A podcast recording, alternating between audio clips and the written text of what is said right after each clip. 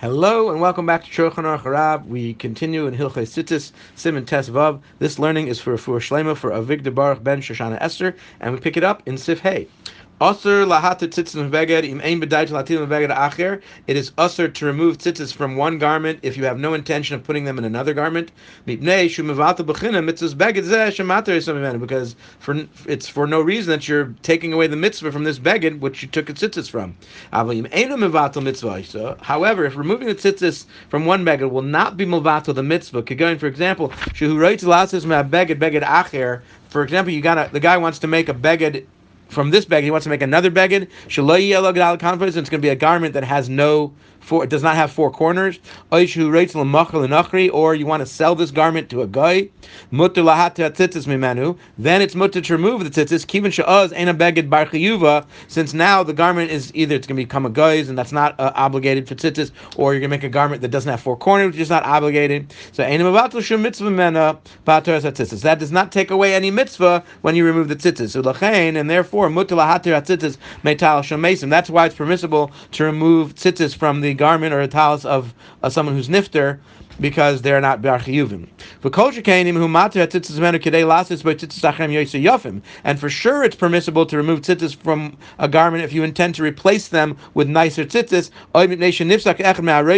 or one of the tzitzis clipped off the tip of the the end of the of one of the tzitzis, who writes the and you want to replace them with full, you know, unbroken tzitzis.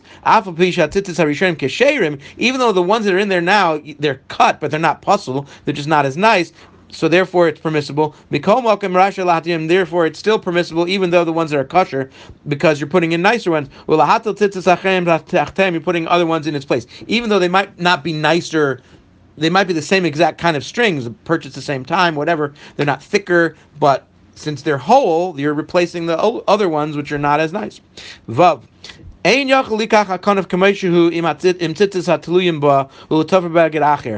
allowed to cut off the corner of a garment with the tzitzis in them and then sew them to another garment in order to fulfill the mitzvah. Even if you don't just take the corner, maybe you take off like the entire side of that garment, including the corner, and then you sew it onto another garment uh, in that in in the in the corner in the spot of the other garment. Sheyesh Gad conference, which only had three corners, and now it's got four corners, right? So you had you cut off the entire side of a garment, sewed it onto another garment that only had three corners. Also, last is cane, you're not allowed to do that. And if you did it, the tzitzis that you brought from the other garment and put on this new garment, they're pasul.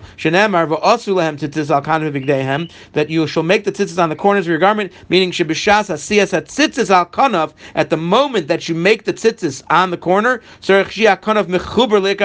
The corner has to be part of that garment, completely connected. And then you fulfill the mitzvah of, of tzitzis on that garment. But this tzitzis that you brought from another garment, since at the moment that you made the corner, it wasn't connected to this garment. It does not exempt that garment from the mitzvah because it's not from that garment. You got to take the tzitzis off the corner completely,